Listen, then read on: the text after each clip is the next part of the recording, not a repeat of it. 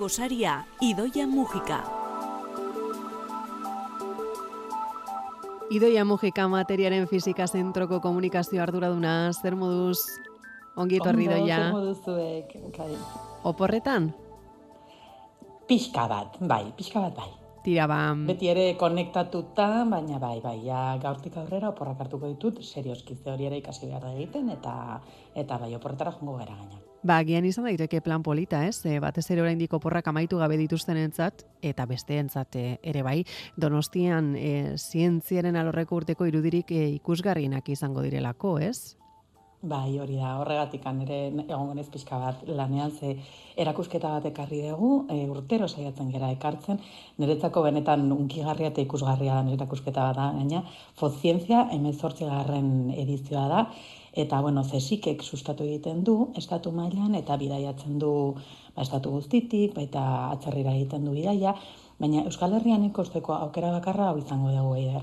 Eta zuk esan bezala, ba, ostiralean irekiko dugu, apirilaren hogeita lauean, eta danan konbidatuta zedoakoa da, sarrera librea da, eta erras erras ikusi daiteken erakusketa bat da.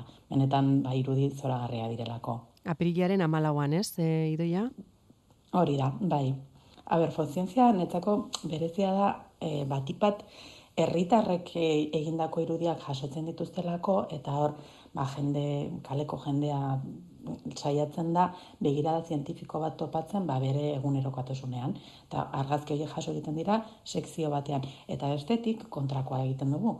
E, zientzialariak diranak eta beraientzat ba erabilgarriak diran irudiak ba ez dituzte ateratzen politak dirala pentsatzen dutelako baizik mm. eta ba, beraien mikroskopioekin teknikekin e, beharrezkoak dituzten irudiak dira baina buelta bat eman da, benetan politak dira, eta, eta izugarriak kasu askoetan, ze sartzen gera, ba, mikroeskalan, nanoeskalan kasu batzuetan, eta aukera bikaina da, ba, topatzeko edertasuna, ba, gauza praktikoa bezala ulertzen dana, ez, zientziaren munduan, eta kontrakoa, ba, egunerokatu zunean, topatzeko pixka bat zientziaren begira da.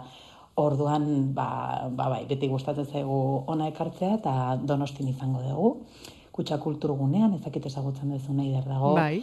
Tabakalderako laugarren solairuan, hor dago, hor dauka kutsa fundazioak espazio bat, eta ba, utzi egin digu erakusketa bertan jartzeko, eta esan bezala, ba, inungo, beldurri gabe, jakin, aurretikan ezer jakin gabe, ba, zientziara aukera paregabea izaten da.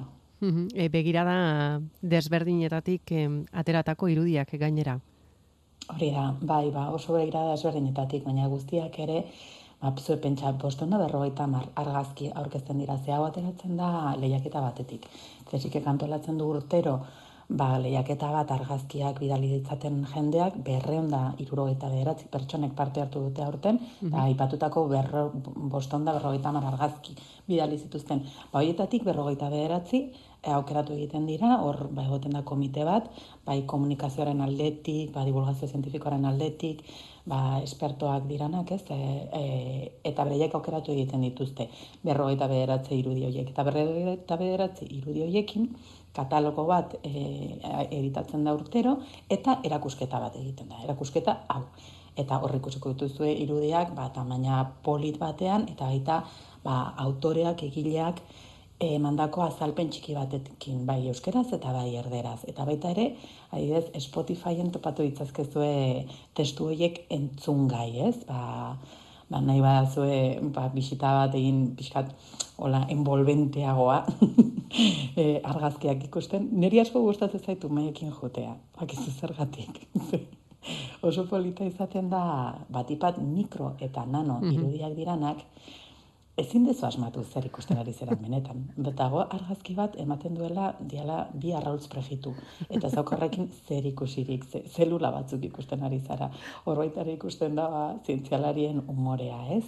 Baina aurten adibidez e, kategoriatako batean, nabarmendu nahi, dutan, nahi izan dute ba, teknologiak nola lagundu gaituen COVID-19 aurrean, ba, COVID-19 aurre egiten, ez? Orduan, argazki bat dago neri, benetan politerio ditu zeidan, eta da FFP2, ba, hainbeste ezagutzen ditugun maskara horiek, bai. mikroskopio batean ikustea.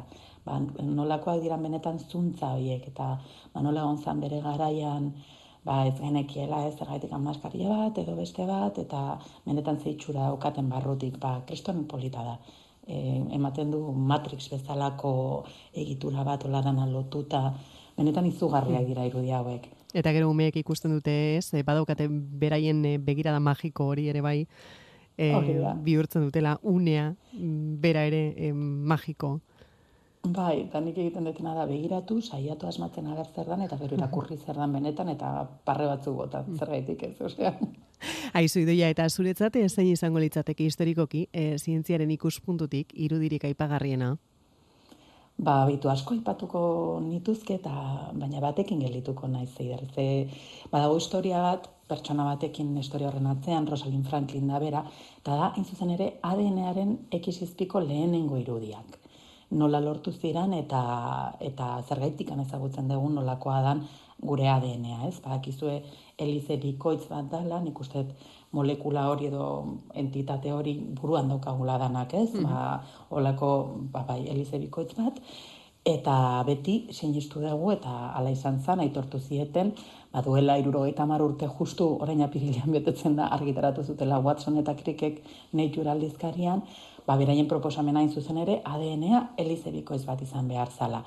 Irakurtzen dezunean hori, gero gaine eman Nobel saria, berari, eta beste lagun bati, Morris Wilkinson, e, beraiei irurei.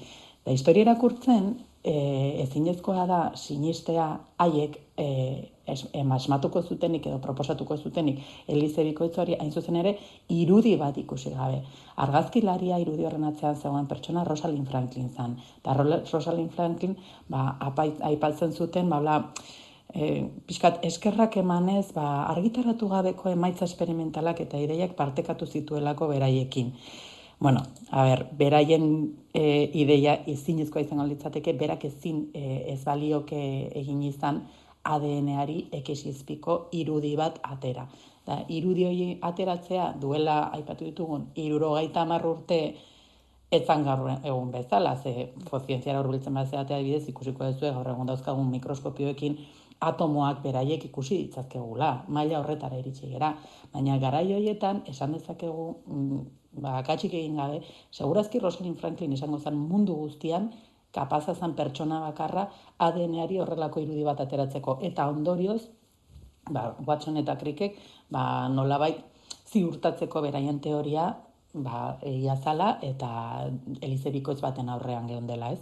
Orduan, irakurri nahi badezue, nik artikulo bat, e, artikulo bat topatu dut, Mujeres Konzientzia ditzen da bloga, Marta Macho ez da idazten duen, eta kultura zientifikoko katedrak ez duen bloga da, eta benetan historia guztia dator bertan eta zoragarria da. Ze argi eta garbi usten du, ba, ba betikoa esaten duguna, ez?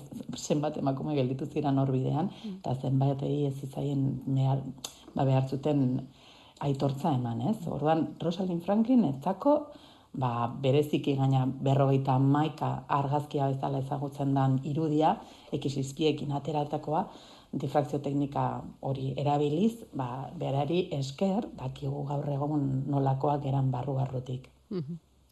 Tira ba, artikulu hori irakurtzeko aukera, ezuk aipatutako artikulu hori, eta erakusketa ere bai, errepikatuko dugu, idoia?